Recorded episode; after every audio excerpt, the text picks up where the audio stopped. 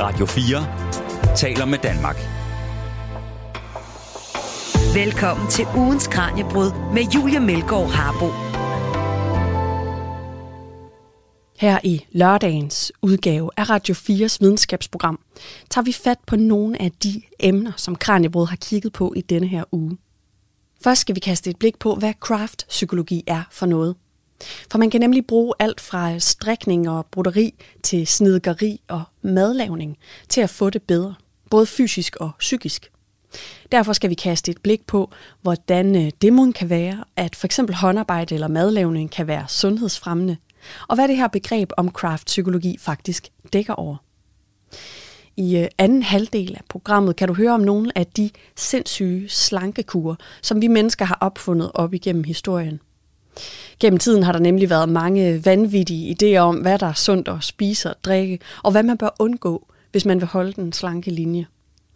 Man plejede eksempelvis at tage amfetamin, der blev opfattet som et effektivt slankemiddel. Og så var der en tid, hvor nogle læger havde vilde diskussioner om, hvorvidt vand var sundt eller sundhedsskadeligt. Du lytter til Radio 4. Først skal vi høre om, hvorfor kreativ udfoldelse, arbejde med hænderne eller madlavning faktisk kan være gavnligt for både det psykiske og fysiske helbred. Derfor dykker vi ned i udtrykket craftpsykologi. Et øh, begreb, som Anne Kirketerp, der er håndarbejdslærer, Ph.D. og psykolog, er ophavskvinde til. Hun fortæller her kranjebrudsvært Emma Elisabeth Holtet om, hvorfor det har vist sig, at en håndarbejdspraksis kan have sundhedsfremmende effekter, og hvordan det påvirker både sindet og kroppen. Her fortæller Anne Kirketerp, hvad der er på spil i craft-psykologi, hvad øh, begrebet dækker over, og hvorfor det faktisk kan gøre så stor en forskel at bruge hænderne. Jamen, altså, den helt korte, stramme definition, det er, at det er psykologien bag det passionsborende engagement, eller sådan set bare engagement i at skabe noget materielt. Og særligt der, hvor selve processen, altså selve det at lave en aktivitet, er belønningen. De ting i livet, hvor vi ikke glæder os til at få ting overstået. Men jeg kan også se i dag, at det også gælder bredere alle mennesker, som laver noget, altså tømmer en tagrand eller gør noget andet, fordi der er så meget i det at gøre noget materialitet, altså lave noget med hænderne, mm. som har sundhedsfremmende effekter. Men det er det, jeg har undersøgt. Det handler om det mere passionsborne, altså det, man kan kalde for vores hobby, mm. Og hvilke sundhedsfremmende effekter det har i det. Og så identificere og teoriunderbygger det de psykologiske effekter ved at udføre craft, og det åbner muligheder for, at vi kan fremme trivsel bevidst og modvirke psykisk mistrivsel. Så det er altså ikke kun en psykologi om, hvordan man kan få det godt, når man ligger ned og har det rigtig, rigtig skidt og mm.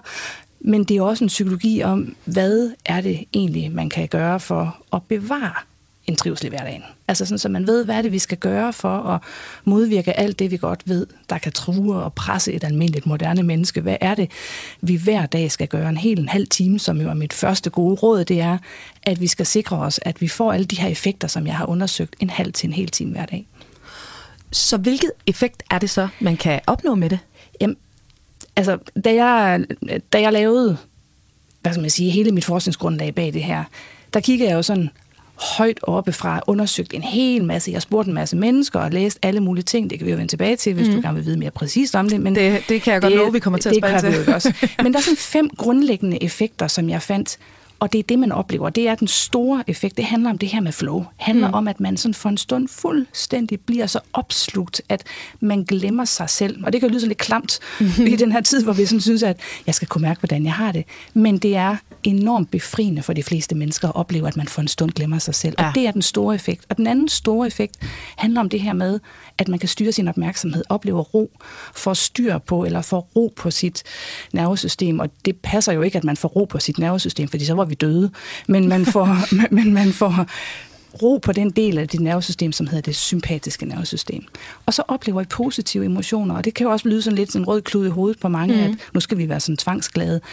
Men det er, det, det behøver vi slet ikke engang at prøve på, fordi vi skal bare sætte os ned i to minutter, så begynder alt det bekymrende og vælte ind over. Så vi skal lære at kultivere det, der er velfungerende i vores liv, altså de positive emotioner som glæde, interesse, håb og alt det andet. Og det giver det her, når man arbejder med sin hobby, og man arbejder med noget, man synes, hvor aktiviteten er belønningen, jamen der oplever vi glæde, interesse og håb og alle de her ting. Så det positive emotioner er en stor effekt af at lave craft. Og så er der noget, som ingen oplever, og det er kapacitet. Altså vi får simpelthen udvidet og spændstigholdt vores hjerne, fordi mm. det fungerer lidt i hjernen på altså use it og lose it. Hvis man stopper med at bruge en evne, jamen så forfalder de kortikale cylindre, øh, som simpelthen gør, at der lige så stille, så laver man selvfølgelig være med at have energi eller have aktivitet, den del af hjernen.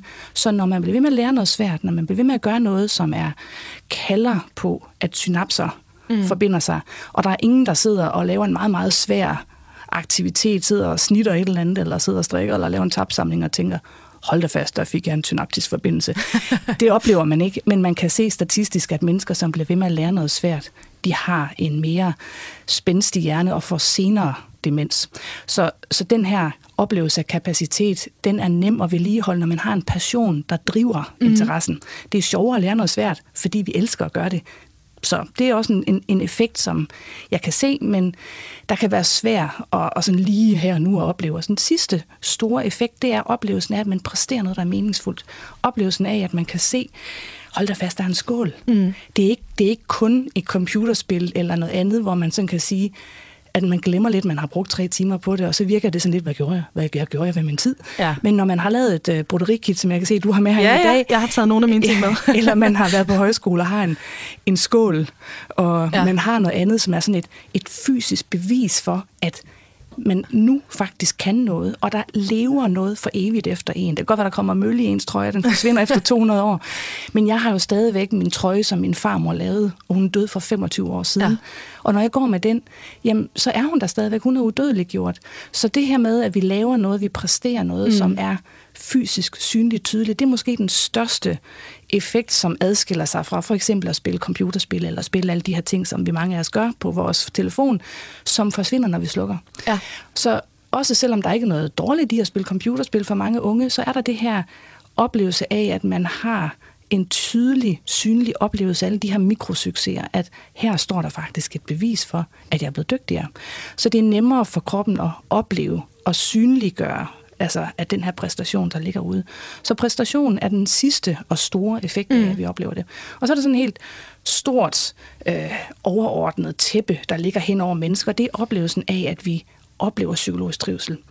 Og, og det er ikke særlig nemt for ret mange mennesker, men lige nøjagtigt det her med at lave det, vi elsker. Ja. Altså, og det er jo stort for en nordjyde at skulle sige, mm. når man spørger folk, hvad, hvad elsker du at lave? Ja, det er godt nok et stort ord, men en passion er kendetegnet ved, at selve aktiviteten er belønningen. Ja. Og når man laver sin passion, så vil man også opleve de her tre grundlæggende behov for psykologisk trivsel.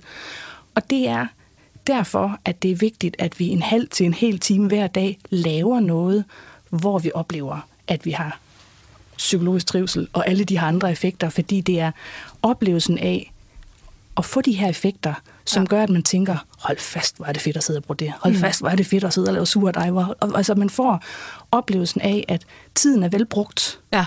Og når man gør det, så får man jo også stimuleret sin passion, mm. kan man sige. Man, man oplever inde i kroppen, at det her, det var det helt rigtige at gøre. Ja. Og når man oplever, det var det helt rigtige at gøre, så får man, ja, man får sådan vedligeholdt sin passion. Og når man gør det, så oplever man effekter. Så det er sådan et hjul, der skal køre. Og derfor så er det også vigtigt, at man bruger sin primære tid, når man er mest frisk. Altså, mm. om morgenen, når man vågner, eller når man kommer hjem mm. og har energi lige lidt endnu, så er det der, man skal lave sin passion. Fordi jeg kan se, der er rigtig mange, som ender med at se klokken 10 om aftenen, når de er fuldstændig slatne, ja. og ikke har energi mere, så det er der, man ser, om der bliver tid til det. Og det skal man vende om, så man skal sørge for, at arbejdet med at kultivere alle de her ting og gøre, og opleve alle de her effekter, det skal vi gøre, når vi er friske. Og så skal mm. vi se klokken 22 eller 23, når vi endelig falder om, om der er tid til opvasken og alt det andet. Ja. Så det er sådan en vigtig ting, at det ikke sådan kommer til at blive at vi venter med at lave vores passion til vi er så slattende, at vi ender med faktisk at få lavet noget, der er for lidt fyldt med effekter. Mm. At det bliver for alt for enkelt og for lidt oplevelser af flow og ro mm. og alle de andre ting. Så, så det vil jeg sådan uh, min første anden måske pointe her. Lav det først, og se om der bliver tid til alt husarbejdet bagefter. Det synes jeg er en fed pointe. Det Ja. vil jeg gerne prøve at, efterleve ja. i, i fremtiden. Jeg laver jo recepter på den ting, når jeg er ude. Ja. At man kan få en recept på, at man skal bruge minimum en time om dagen på sin passion, når man er mest frisk. Ja, ja. Ej, Ja. opvasken, den bliver nødt til at vente. Jeg bliver simpelthen lige nødt til at sidde Ja, men det er, der er og, lave noget ingen, hobbyarbejde. Jamen, der er ingen mennesker, der er gået ned med stress, mm. eller har haft andre udfordringer, som tænker, hvor var det en god prioritering, at jeg havde et pænt rent hjem. Nej, Ja. ja. det er fuldstændig rigtigt. Og altså i forhold til det, jeg synes, der er en, lige en enkelt detalje, som, øh, som jeg tænker, vi lige skal slå fast. Fordi jeg tænker, det er bare min fordom om det her, når man bruger ordet craft. Ja. Og nu bliver det meget kønsstereotypisk, men jeg tænker, Ja. ja. der er en masse mænd, der står og tænker, det er bare overhovedet ikke noget, øh, jeg kan forholde mig til. Nej. Men altså netop nu har vi været inde på madlavning. Hvis det er en passion, selvfølgelig. Ja. Ikke hvis det bliver anset som en sur pligt, men hvis det er en passion som Ja. madlavning, sur dig. Det kan vel også være, at man reparerer sin gamle bil og Åh, ligger ja. og øh, øh, nørder rundt med den. Ikke? Ja, så, det så er det er alle- altså bredt, det her. Ikke? Fuldstændig. Altså, Altså, Det er jo også at smøre bremser op. Mm. Øh, og jeg kan høre, at der er rigtig mange, som sådan siger, de kan lide at cykle, eller de kan lide at fiske. Og når sådan går de der mænd på klingen, så i virkeligheden, så bruger de måske halvdelen af den der tid, de siger, de cykler på at sidde og nusse om deres cykel og smøre bremser Ja. ja. op og reparere den. Så det er faktisk selvfølgelig en motionsgren. De tror, de laver motion og idræt, men i virkeligheden er halvdelen af det, de gør, det er en craft. Ja. Altså det er en oplevelse af at reparere og smøre bremser mm. og lave alt det her, hvor der er en materialitet i det. Ja. Og sådan er det også, når folk fisker, så nu så de med grej og binder fluer og gør andre ting. Men, men det at sætte en hylde op derhjemme, eller hjælpe med sin søn med at i stand sætte en lejlighed, eller gøre noget mm. andet, er lige så meget det, som de fleste også har en oplevelse af, er deres passion og Ja. restaurere huse og lave, gør det selv osv. Så, videre, og så, videre. så det er alle aktiviteter, vi gør med hænderne. Det er mm. også at gå ud i skoven og bygge en bivak og lave bålmad og Ja. så videre. Det er også en del af craftpsykologien. Du lytter til Radio 4. Og vi er i fuld sving her med dagens Kranjebrud, hvor vi har besøg af håndarbejdslærer, psykolog og Ph.D. Anne Kirketerp. Og, og Anne, du er faktisk lige nu aktuelt med en ny bog, og den kommer vi ind på lige om lidt. Men inden da, i dag der øh, ejer du sammen med lektor Elise Broman Bukhave Center for Craft og Sundhedsfremme, og du uddanner jo andre i netop kraftpsykologi. Du, du medvirker i programmer som, som det her, ikke? Og, og udbreder budskabet. Så altså, du har jo faktisk på en eller anden måde opdyrket øh, det her felt. Hvordan er du kommet hertil? Altså selvfølgelig så har jeg en uddannelsesmæssig baggrund, og øh, altså, jeg har altid vidst, at jeg skulle være kunsthåndværker, og det var, sådan, øh, det var simpelthen ikke til forhandling, at jeg skulle gå på gymnasiet, men, men jeg var allerede, da jeg gik i gymnasiet, optaget på en kunsthåndværkerskole, så jeg var ikke specielt sådan det var ikke, fordi jeg lagde det store arbejde i at få en god studentereksamen, men jeg kom jo igennem. Så, så jeg startede allerede helt fra jeg var, altså efter gymnasiet, og ja, lige efter 3. G på en kunsthåndværkerskole i Sverige. Og der oplevede jeg den her altså helt ekstreme oplevelse af at komme hjem. Altså jeg har mm. aldrig, altså jeg tror, at de fleste mennesker har sådan en oplevelse af længsel efter at kunne gøre noget, hvor de næsten kan det med det samme. Mm. Altså at man ikke skal bruge 10.000 timer på at blive god til det. Og sådan havde jeg det med vævning. Det var sådan en hjemkomst. Mm. Og siden har det sådan været mit, øh, mit, min inderste kerne, det er nok, at jeg er væver. Og, og så blev jeg håndarbejdslærer, og jeg kan se tilbage på, at allerede der, hvor jeg var 23, jeg var på en højskole, meget, meget tidligt, jeg var også tidligt uddannet, mm. øhm, der skrev jeg en artikel som 23-årig, hvorfor det er sundt at lave håndarbejde. Fordi jeg kom jo også på den der højskole og oplevede de her kvinder, som havde det enormt skidt, og pludselig efter mange, mange års oplevelse af at have taget sig sammen til at få gjort ting, og egentlig måske have levet sådan et liv, hvor man glæder sig til at få ting overstået, så hele livet bliver sådan noget, og jeg skal lige hen til weekenden, og jeg skal lige hen til, altså sådan lidt fast forward hen til, at jeg skal bare dø. Sådan en underlig oplevelse af, at livet faktisk bare er noget, man glæder sig til at få overstået. Og så pludselig komme på højskole, og sidde og lave håndarbejde og håndværk hver dag, og for første gang måske mange år opleve, at sådan her kan livet også være. Og de græder, de græder, de græder. Og, og, så, og den der underlige oplevelse af, at, at at tænke, at man kan opleve livet også er fantastisk. Og det, det blev jeg optaget af helt fra den gang. Men så blev jeg jo lige så stille som alle mulige andre, sådan, jeg sådan taget af, og det er det, der sådan måske er, ja, altså som jeg også lige sagde, inden vi gik i gang, jeg har pludselig sådan fået fat på noget helt nyt, og det er så mærkeligt, mm. at, at man kan fortælle historien så mange gange, at man helt glemmer, hvad det egentlig er, mm. det handler om. Og, og, og sådan, jeg blev jo taget af det der, at jeg også god til, og mine forældre også er akademikere, og jeg blev sådan taget af det der med, at jamen, når du nu har sådan et godt hoved, skal du så ikke læse videre? Altså, ja. skal du så ikke? Og så, så endte jeg også med, og så læste jeg psykologi, psykologi og tog en Ph.D. Og, og for nogle år siden, altså det er måske 10-15 år siden, der havde jeg været ude og holde en keynote på en stor konference, og, og da jeg så sad tilbage ved flyet og ventede, altså i lufthavnen, så kom der en af de der mænd, der havde været ude og, og se mig. Han kom hen, og der sad jeg og strikket der mm. i lufthavnen, og så sagde han, ej, hvor er, det, hvor er det sjovt at se, du kan andet end at bruge dit hoved. Og jeg tror, det er den oplevelse, der er sådan bag i det hele ligger, den der sådan, jeg blev sådan helt, øh, jeg fik sådan lidt, jeg ved ikke, om det var, altså det var ikke skam, men det var sådan en underlig oplevelse af dårlig samvittighed over, at jeg sad og snød, eller sad og lavede noget, jeg burde jo måske læse artikler, eller gøre noget andet. Ja. Altså, og, og han har jo helt sikkert ikke sagt det for andet end anerkendelse af, nej, Mhm. sidder du der og kan andet end at bruge dit hoved.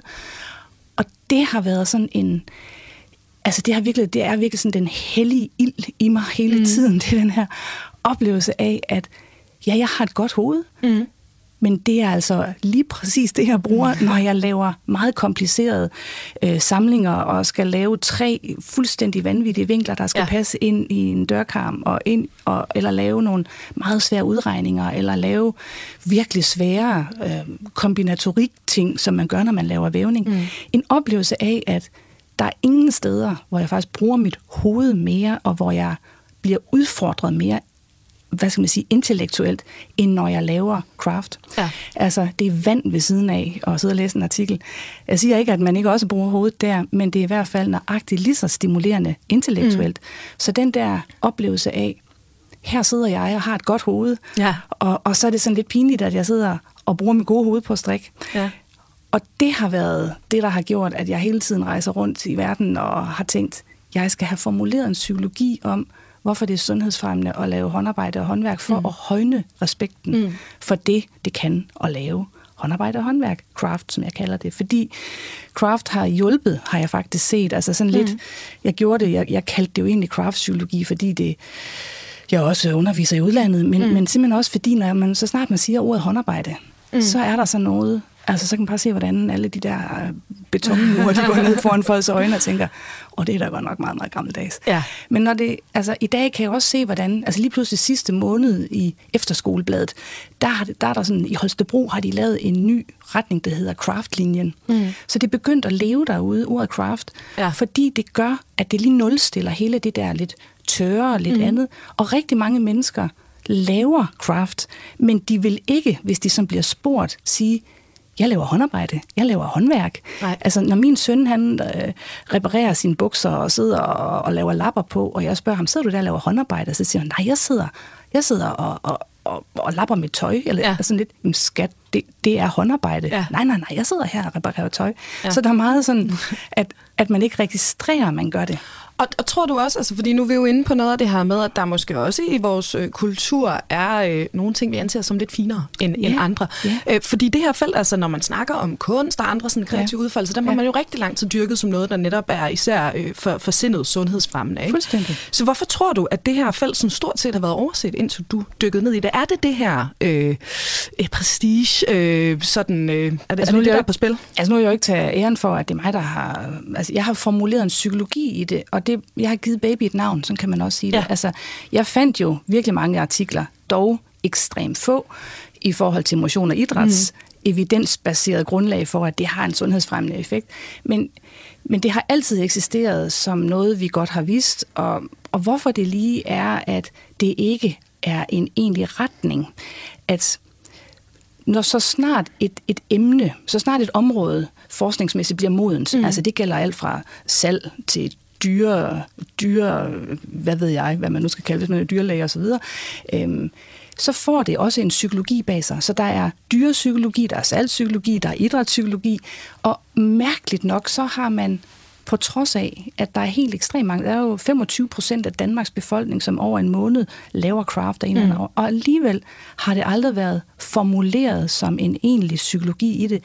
Men det er også fordi, at det er et... Øh, nu spurgte du, hvorfor det er. Mm. Jamen, altså, nogen siger, som er det, fordi det er kvindefag. Nej, det er det ikke, fordi der er sådan set lige så mange mænd, der også laver craft, så det er ikke så meget det.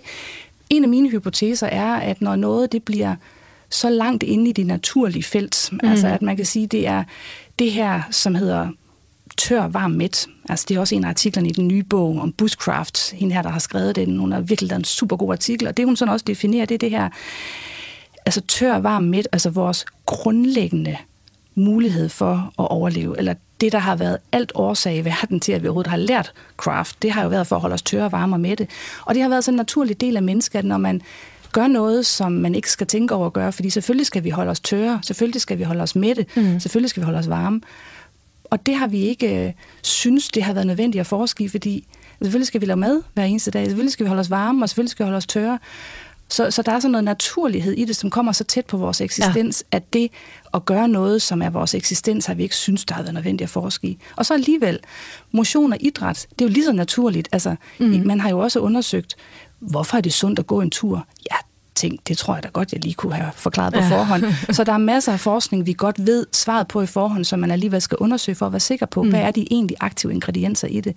Så der ligger noget omkring kultur, og selvfølgelig også, at det har været behæftet med, som det jeg oplevede, da jeg sad i lufthavnen, at sidder du der og ikke bruger dit hoved. Ja, ja, at det er noget, som ikke er intellektuelt, mm. og også er svært at måle, og har været svært at måle. Og motion og idræt er meget nemmere at måle. Mm. Og, og håndarbejde, håndværks, sundhedsfremmende effekt har været sværere at måle, fordi hvad er det lige præcis, der sker med os? Men det kan vi måle nu, mm. og det er jo det, jeg er begyndt at gøre, at lave forskning i, og kigge på, hvad er ingredienserne i det, der er sundhedsfremmende. Men, men sådan grunden til, at det ikke er formuleret endnu, det er dels det her, at det har været så tæt på vores eksistens, ja. at det har været overset.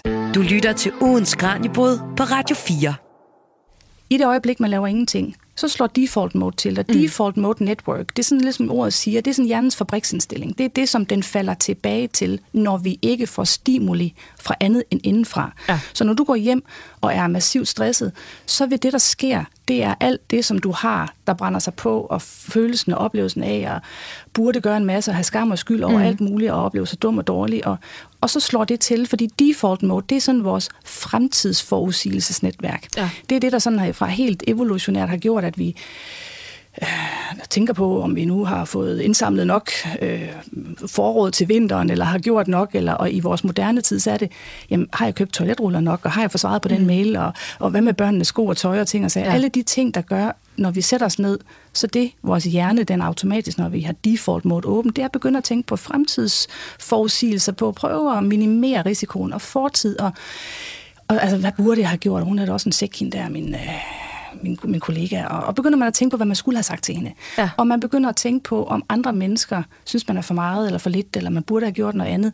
Og det skal det gøre. Det er super godt for vores overlevelse, at vi har den her tendens til at scanne vores omgivelser og prøve på at få købt nok toiletpapir til, at vi har nok under corona osv. Men men det er også ekstremt svært, når man ikke laver en aktivitet og styrer det. Ja. Fordi i det øjeblik, man kommer hjem og sidder og laver ingenting, eller tænker, nu har jeg bare ret til at sætte mig ud i, mit, mm. øh, ud i min øh, have og sidde og lave ingenting, og så skal jeg rigtig sidde og slappe af. Og der går lige præcis et sekund. Altså der ja. går virkelig mindre end et sekund. Så slår default mode til, og så er man i fuld gang med at tænke på fremtid og fortid og mm. alt muligt andet.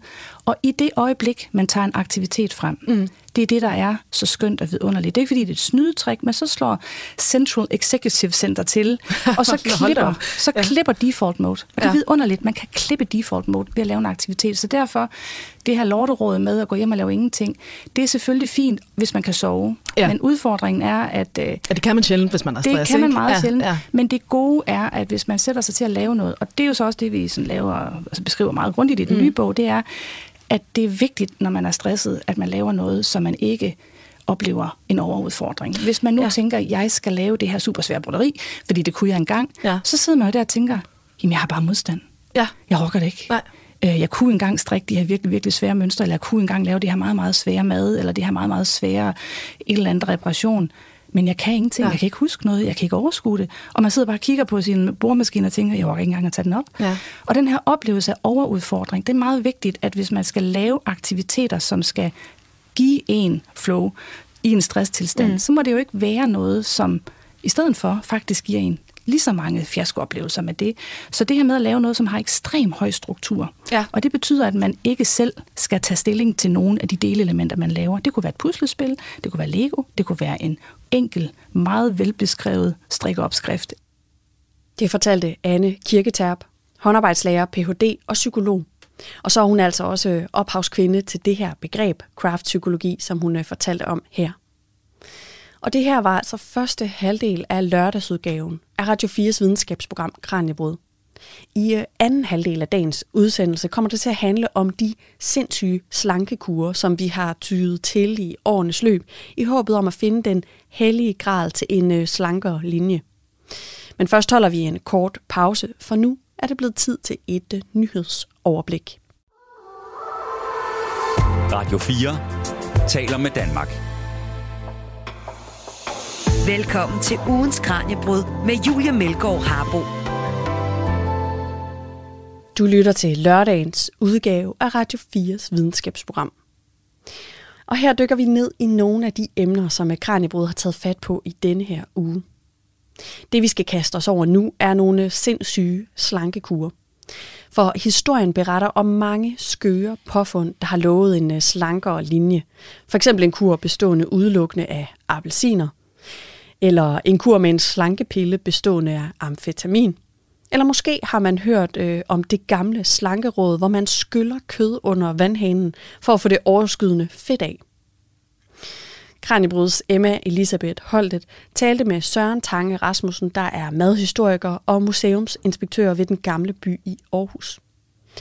Vi øh, kommer ind i klippet her netop som Søren Tange Rasmussen forklarer, hvorfor det her fænomen med slankekur er så interessant at undersøge, også i et historisk perspektiv. Da jeg begynder at, lede efter det her, så, så kan man se, at der i sådan omkring år 1800 begynder at udkomme sådan nogle sundhedsbøger. Mm. Og der kommer et par enkelte sundhedskogebøger, og der er også en, en, nogle danske læger, som, som typisk udgiver nogle oversatte værker, som rigtig tit er fra Tyskland eller fra Frankrig, med andre læger, der på en eller anden måde øh, taler om det her med, at, vores, øh, at vi skal spise ordentligt. Øh, det handler ikke sådan decideret om fedme, men det handler meget om, om at man skal, man skal være forsigtig med det, man spiser. Man skal ikke spise for meget, man skal ikke give sig hen til, til, til at, sådan at, at frose. Mm. Og der er også en eller anden sådan, sådan lidt sådan en almindelig sådan kristen, øh, måske sådan lidt asketisk tankegang i forhold til det der, som, som går igen i det. Men, men det er tydeligt nok, at, at der er, øh, hvad skal man sige, samfundets absolute elite, altså her adelen og den øverste del af, øh, altså af det, det meget velhævende borgerskab, de, de, øh, de, de spiser meget, meget voldsomt. Altså for eksempel en af lægerne, han bemærker, at at eliten de spiser det, som kun de almindelige mennesker spiser til højtiderne, og det er en, en uskik, og det er froseri, mm. det, skal man, det skal man lade være med at gøre. Øhm, og, og et eksempel på det, som, som, øh, som jeg har gravet frem, er jo sådan et, der viser, viser hvad, hvad et, et, et, et middagsselskab i overklassen øh, skal spise, og det er en kobo, øh, som er lavet en, en, øh, en, en kvindelig kok, der hedder, hedder øh, øh, Marie Jacobis, som har lavet noget, der hedder Den Nye og Fuldstændige Kogebog. Og, øh, og der har hun et, et middagsselskab, som, som består af, af 14 retter, hvor de otte af retterne er, er, er kødretter. Altså, mm. hvis du er til det der selskab, og du skal spise dig igennem det der, så får du simpelthen så meget kød, kød og fedt, at det er, det fuldstændig vanvittigt. Og jeg er godt klar over, at det er et, et, et selskab, som hun foreslår her. Men der findes også en del andre kilder, der viser det der med, at, at at det er sådan en del, hvordan, altså, hvordan borgerskabet mm. viser, viser sig selv og viser deres, øh, øh, deres venner, øh, hvad man egentlig er i stand til at formå øh, økonomisk i forhold til det her med mad, og det er noget, der adskiller dem fra almindelige mennesker, og i, i særdeleshed dem, der bor på landet, mm. øh, som de fleste jo stadigvæk gør på det her tidspunkt, at, at de bare er, kan noget andet. Ikke? Du lytter til Radio 4. Hvad ved man egentlig på det her tidspunkt om effekterne af, af kost og motion? Altså, hvad er synet på, på sundhed? Kan vi sige lidt, uh, lidt mere om det? Ja, altså, det er i hvert fald... Øh, det, det er helt sikkert, at man, man synes, det er meget mere bekymrende at være mager. Mm. Altså, det, man, det, det er det, der man er mest bange for, det er, at man, ikke, man, man sådan bliver kraftløs, fordi man ikke får nok at spise. Sådan noget. Det er det, det primært handler om. Altså en, en af de her læger her, en, en, altså en tysk, tysk professor Hildebrandt, han, han siger i 1802, at skriver utrolig meget om det her med, at man skal passe på sin mave, og der er alt muligt, man skal huske. Og så, så har han sådan en sætning til sidst med, at han skriver, at det er ikke altid tilrådeligt at være fed og rund. Altså, men, men tit er det åbenbart, men, men det er ja. ikke altid tilrådeligt. Ikke? Så, så, så, så der er helt klart en idé om det der med at være sådan lidt, være sådan lidt velmavet og sådan noget, der det er egentlig ikke noget problem. Altså mm. det andet er meget, meget farligere. Mm. Øhm, men, øh, men altså, det er selvfølgelig klart, at lægerne de godt er klar over, at, at altså, at der er nogen, der dør, mm. øh, fordi de simpelthen er for fede, og man begynder også at have et udtryk som sådan noget som fedt hjerte. Øh, og man, man opfinder et udtryk, som øh, altså man kalder det i tysk, på tysk for tysk, så kalder man det, eller det er jo så oprindeligt fra latin, men korpulence. Det er sådan et udtryk, der kommer ind i det danske sprog sådan fra midt i 1800-tallet, og øh, bliver så oversat til fedtsyge, og det er noget, der findes. Altså, og det er noget, der findes i, i den her elite i samfundet, fordi man spiser alt, alt, alt for meget og rører sig alt for lidt. Øh, så så det, det, det ved man godt. Du lytter til ugens Kranjebrud på Radio 4. Men der kommer også øh, en, en række øh, bøger, som sådan ligesom fokuserer på nogle forskellige øh, øh, kurer. Øh, og der er en, der hedder Albin Kok, som, øh, som har, har sat sig sådan lidt ind i, hvordan de her tus, tyske øh, kursteder, de, mm. øh, de behandler øh, den her livsstilssygdom, som fedtsygen jo sådan set er. Øh, og han, han anbefaler så noget, der hedder den, den, som han kalder den tyske vandkur. Øh, og det, det går ud på, øh, og det er jo sådan, et, det er jo sådan et, et råd, man faktisk tit hører i forbindelse med folk, der gerne vil slanke sig, at inden man spiser et måltid, så skal man starte med at drikke en masse vand, så maven den er fyldt godt og grundigt op. Så man ikke har så meget, altså man mm. ikke føler sig så sulten, øh, og at maden den sådan hurtigt virker mættende. Og på det her tidspunkt, der midt i 1800-tallet, så har det været et virkelig, virkelig radikalt synspunkt, fordi mange læger, de mente, at, at det var decideret øh, farligt at drikke for meget vand. Det var selvfølgelig også, fordi vandet tit kunne få, være forurenet af en møding, der stod ved siden mm. af brunnen, eller hvad det nu kunne være. Ikke? Øh, men man mente jo, at man helst skulle drikke, drikke det her øl, fordi at det havde, der havde vandet været kogt, i hvert fald øh, som regel havde det været, i hvert fald været, har fået en høj temperatur, mm. som havde dræbt de værste øh, ting, man ikke ønskede, der skulle være i vandet. Øh, man vidste jo ikke helt så meget om bakterier endnu og sådan nogle ting her på det tidspunkt, men man vidste godt, at det var ikke alt vand, man kunne drikke. Mm. Så han skriver også en masse om, hvad for en slags vand man kan drikke, og det bedste det er så sådan noget vand, der kommer ned fra nogle friske kilder nede i Tyskland, der løber ned ad bjergene. Ikke? Og hvis man drikker det, og samtidig bader i det også, øh, og så drikker det før måltidet, så, så kan man altså bekæmpe den her fedtsyge. Det er i hvert fald en af hans teorier. Det er det, han oplever nede på de her tyske øh, kursteder. Ja. Øhm, og det, øh, det har han jo ret i, og så har han sådan en masse sådan tænkning omkring øh, forskellige typer af tørst. Altså for eksempel så er der noget, der hedder blodets tørst. Det lyder farligt. Ja, det lyder sådan lidt vampyragtigt, ikke? ja, det gør det virkelig. ja. men, det, men det er den type tørst, som, øh, som man får, fordi at ens krop den mangler væske. Han mm. skriver så, det er i blodet, det der væske, det mangler. Og der siger han, at altså, den, her, den her type tørst, den skal tilfredsstilles med vand. Fordi hvis man bruger andre ting, så... Øh, så, så, så saboterer man en, nej det bruger han ikke det udtryk, men man spolerer lidt den der effekt, mm. man faktisk ønsker. Og så siger han, den mest kendte type tørst til, den der hedder appetittørsten, hvor man drikker, altså hvis man er tørstig for sjov, kan man næsten sige, ikke? Altså hvor ja. man øh, drikker øl, og man går på værtshus og sådan nogle ting der. Og han siger, at den er harmløs, den her tørst, så længe man ikke ligesom øh, gør for meget ud af det, og så længe man, man, man, man plejer appetittørsten øh, i selskab med andre, øh, hvor man også plejer sin sjæl ved, ved fornuftige samtaler og sådan noget. Og så er der også øh, vanetørsten, som er drankerens tørst, øh, som jo selvfølgelig er rigtig, rigtig farlig. Og hans pointe er jo også med det her med, at det kan godt være, at alt det der vin og øl, som borgerskabet mm. skabet sætter til liv, så det faktisk ikke er så sundt. Det her slankeri på det her tidspunkt i 1800-tallet, foregår det på kurstederne, eller er det også hjemme i privaten eller hos lægen? Altså, hvor er det ligesom det her, det bliver behandlet henne? Altså, øh, på det her tidspunkt, når vi stadigvæk er sådan midt i 1800-tallet og sidst mm. i 1800-tallet, så, så fedme det der, og fedme eller korpulence og fedtsyge og øh, øh, det bliver også kaldt øh, embonpoint, når man skal være lidt høflig, så får man givet det et fransk navn. Øh, hvis man har fået en tiltalende embonpoint, så skal man øh, tage på kurophold. Det er det bedste. Yes. Øh, og øh, det, det er primært, altså det, det, det er noget som, eller i hvert fald det, det materiale, jeg har haft, haft adgang til, mm. der, der ser det meget ud som om, at dem, der sådan ligesom tænker over de her ting, de taler meget om de her tyske kursteder. Det er det, der er det, man skal tage ned, øh, ned til. Og det, det kan for eksempel være nede i Harzen, eller nede i Hessen et eller andet sted. Ja. Altså, der er en, en læge, der hedder Dr. Morthorst, som i... Øh, 1886 øh, laver en beskrivelse af et terrænkursted nede i Weisbaden nede i Hessen.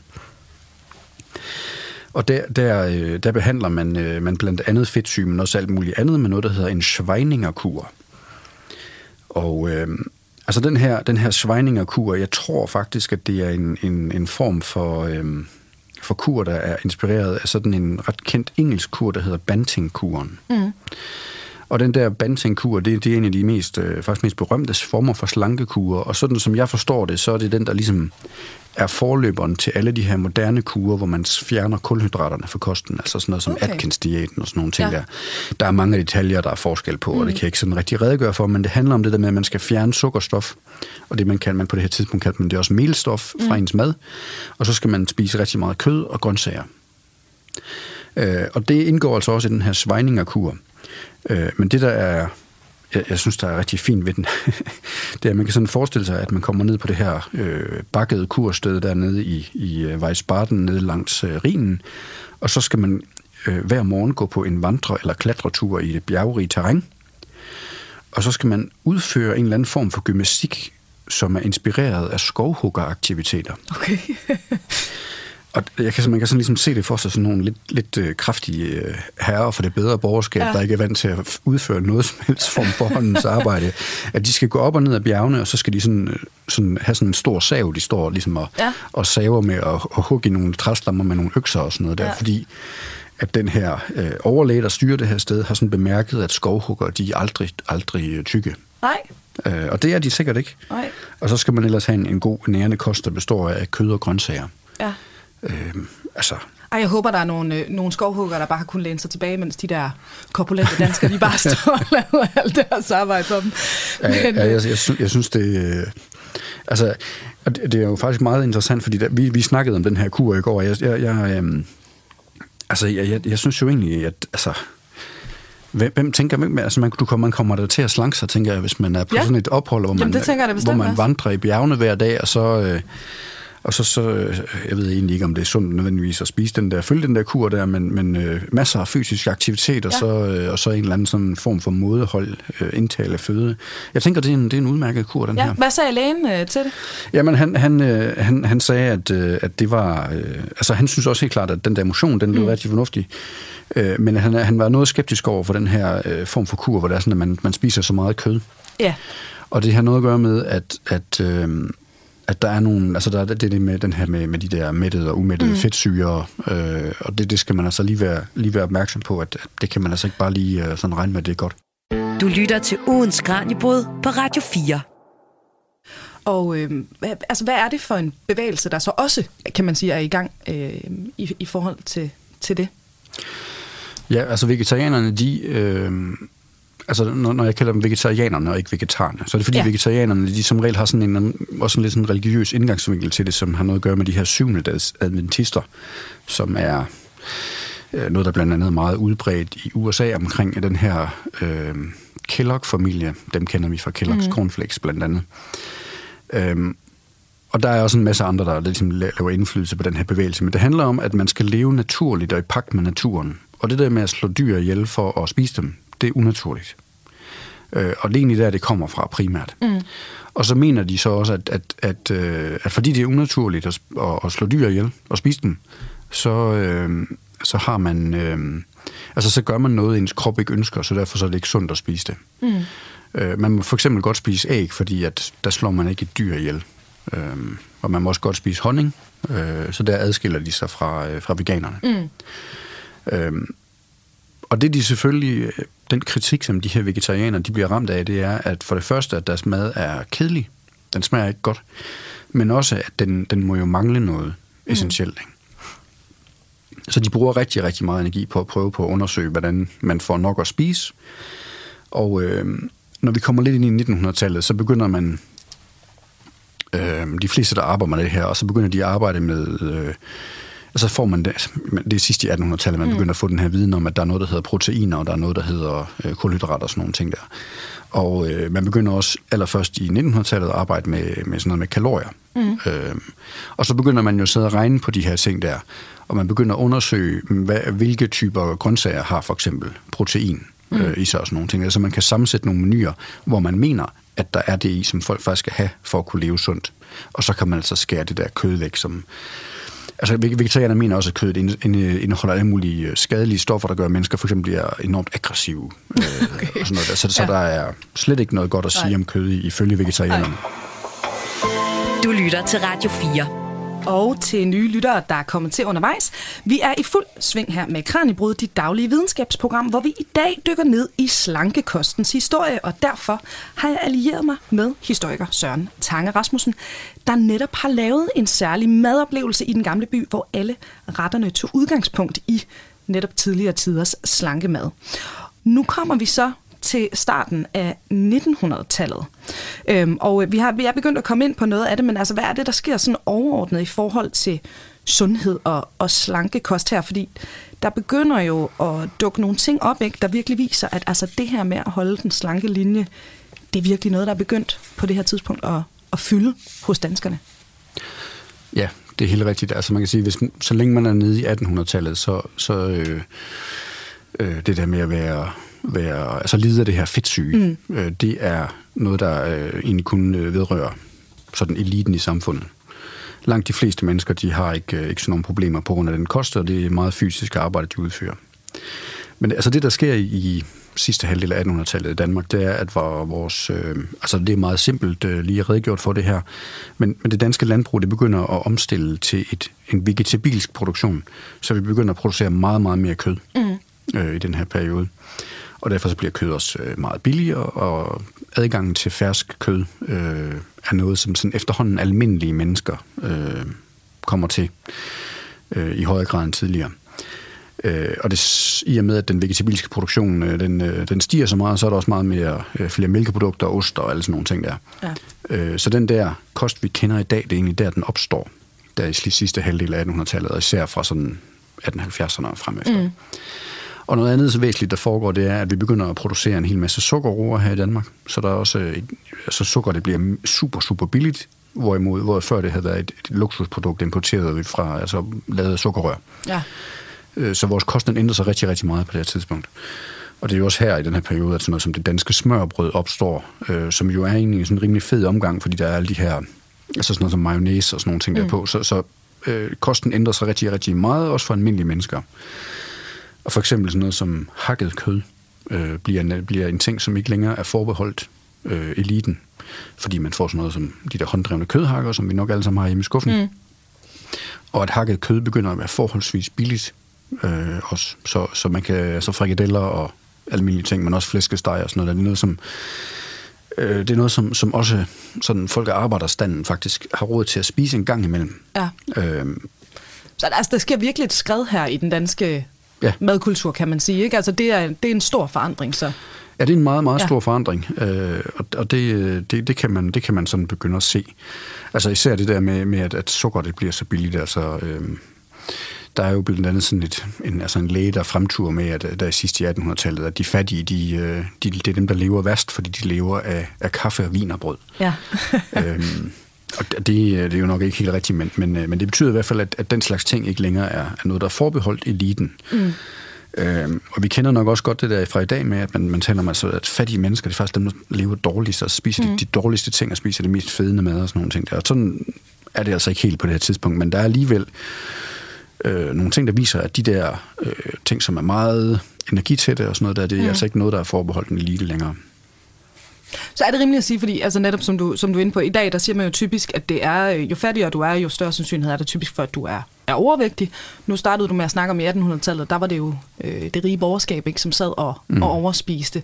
Så vi er sådan på vej et eller andet sted fra, at det her det er et overklasse øh, korpulence-problem, ja. og så bevæger vi os sådan på det her tidspunkt mere og mere hen til der, hvor det altså også er, øh, er middel- og underklassen, der sidder og ja. og foræder sig. Ja, ja. og jeg tror, det er, en, det, er en, det er en langsom bevægelse. Altså, jeg ja. tror, vi skal et godt stykke op efter 2. verdenskrig, mm. før at man kan sige, at Altså, at, at, altså det, det kræver også, at folk begynder at få meget stillesiddende siden af arbejde, mm. eller, eller slet ikke arbejde og sådan noget der. Men, men, øh, men i hvert fald så kan man sige, at det der med at få en, en meget, meget øh, energifattig kost, det er noget, som, som ophører for de fattige også mm.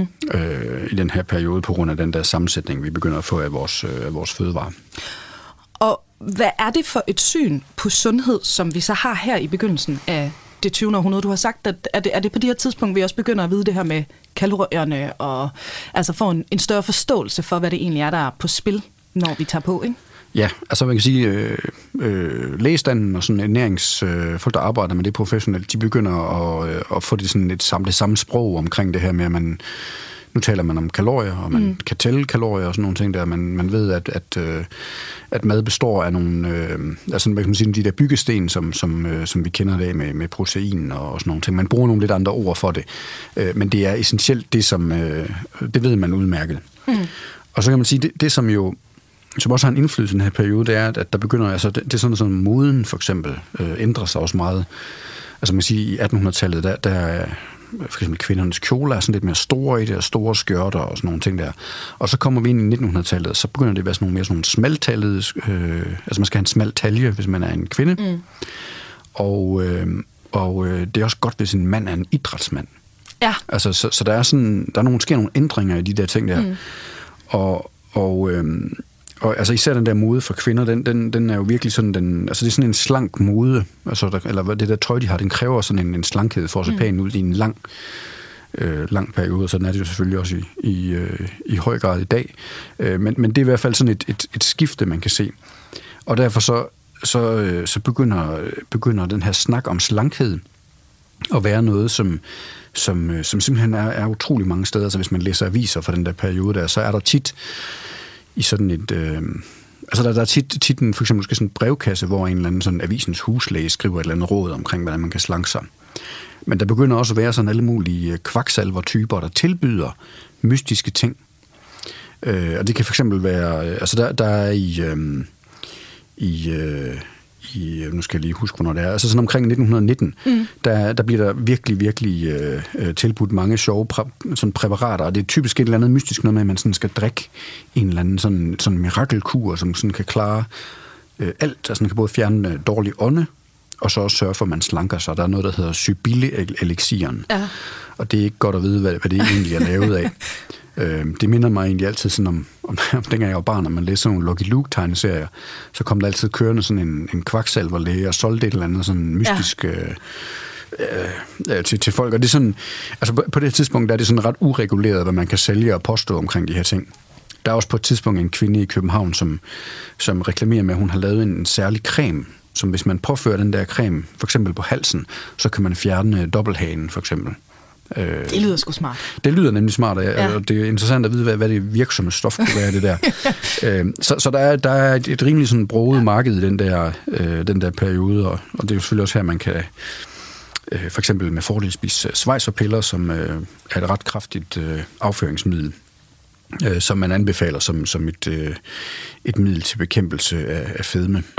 Radio 4 taler med Danmark. Der er jo også nogle vanvittige øh, slankekurer, der dukker op på det her tidspunkt. En, vi simpelthen bliver nødt til at tage fat i. Hollywood-kuren, Søren. Ja. Er det, den går ud på? For jeg synes, at altså umiddelbart bare, den lyder fantastisk. ja, altså Hollywood-kuren, det er sådan en... en øh, det er, sådan en, det er sådan en kur, som bliver enormt populær, og det er i 30'erne, mm. øh, vi snakker om her. Og øh, det er noget at gøre med, at man har set, øh, set en masse amerikanske film i biografen, og der er de her amerikanske skuespillere ender jo, jo simpelthen så smukke og slanke. Og det vil man gerne, øh, gerne efterfølge. Og enhver kreativ person i Danmark øh, opfinder så en, øh, en, en, altså opfinder den her Hollywood-kuren, og den, øh, den, den handler om, at man skal spise rigtig mange appelsiner. øh, og jeg, jeg kan lige prøve at give et eksempel. Altså man skal typisk følge den 18 dage mhm. Hollywood-kuren, og så øh, skal man til morgenmad spise en appelsin, og så skal man have en eller to kopper te eller kaffe med lidt mælk. Øh, og det er det, du skal spise til din morgenmad, ikke? Jeg vil gætte på, at man taber sig det. Ja. ja.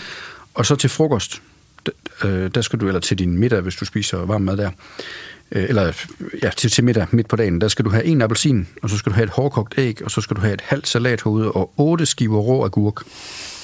ikke 10, så er det meget. nej, nej, otte skiver rå agurk, ikke? Ja, ja. Og så til aftensmad, der må du så spise en kalvekotelet, øh, som øh, er uden ben, og den må veje 180 gram i råvægt. Og så skal den, der er nogle råd til, hvordan de skal steges. Det skal steges ikke i fedt, det skal bare steges lynhurtigt på panden. Og så til din kotelet, så må du få et hårdkogt æg, tre radiser og to oliven og et halvt salathoved og en appelsin. Altså det, det er, nu er det lige en tilfældig dag, jeg lige slår ja, ja, på, men ja, ja. det er, sådan, det er sådan det der konceptet i det. Ja. Det er, at det er, det er grøntsager, og det er kød, og det er frugt. Og en enorm restriktiv diæt, lyder det som om. Ikke? Det er ikke mange kalorier, de kan få ind med, med det der i løbet af en hel dag? Nej, nej, altså det, det er det ikke, og øh, altså, jeg tænker, man bliver rigtig træt af appelsiner i løbet af de her 18 dage her, hvor man skal spise det til stort set øh, alle, alle måltiderne. Du lytter til Radio 4. Det fortalte Søren Tange Rasmussen, madhistoriker og museumsinspektør ved den gamle by i Aarhus. Og det var det sidste, vi nåede i dag, men øh, du kan lytte til Kranjebrud på kanalen her igen i morgen og alle hverdage kl. 12.10. Hvis du har appetit på øh, mere Kranjebrud, så kan du også altid gå ind i din podcast-app eller på Radio 4's hjemmeside og finde de øh, gamle programmer. Her kan jeg for eksempel anbefale øh, udsendelsen fra den 27. oktober, hvor øh, verden Emma Elisabeth Holtet undersøgte kvindedrab i Danmark. Her taler hun med en af de førende forskere på området i Danmark, retsmediciner Asser Hedegaard Thomsen, og journalist Line Våben, der altså er aktuelle med en bog om netop kvindedrab. Så her kan du øh, høre om øh, de faktorer, som forskerne har kortlagt, der kan være med til at forudsige, hvem der er i forøget risiko for at begå de her kvindedrab. Og øh, den her kortlægning kan derfor også potentielt være med til at forebygge dem. Og det kan du altså blive klogere på ved at søge på Kranjebrud i din podcast-app, og så simpelthen scrolle ned til den 27. oktober, hvor programmet blev sendt.